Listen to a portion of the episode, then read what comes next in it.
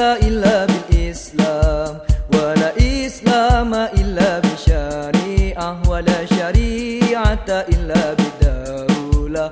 دولة خلاف رشدة لا عزة إلا بالإسلام ولا إسلام إلا بشريعة ولا شريعة إلا بدولة.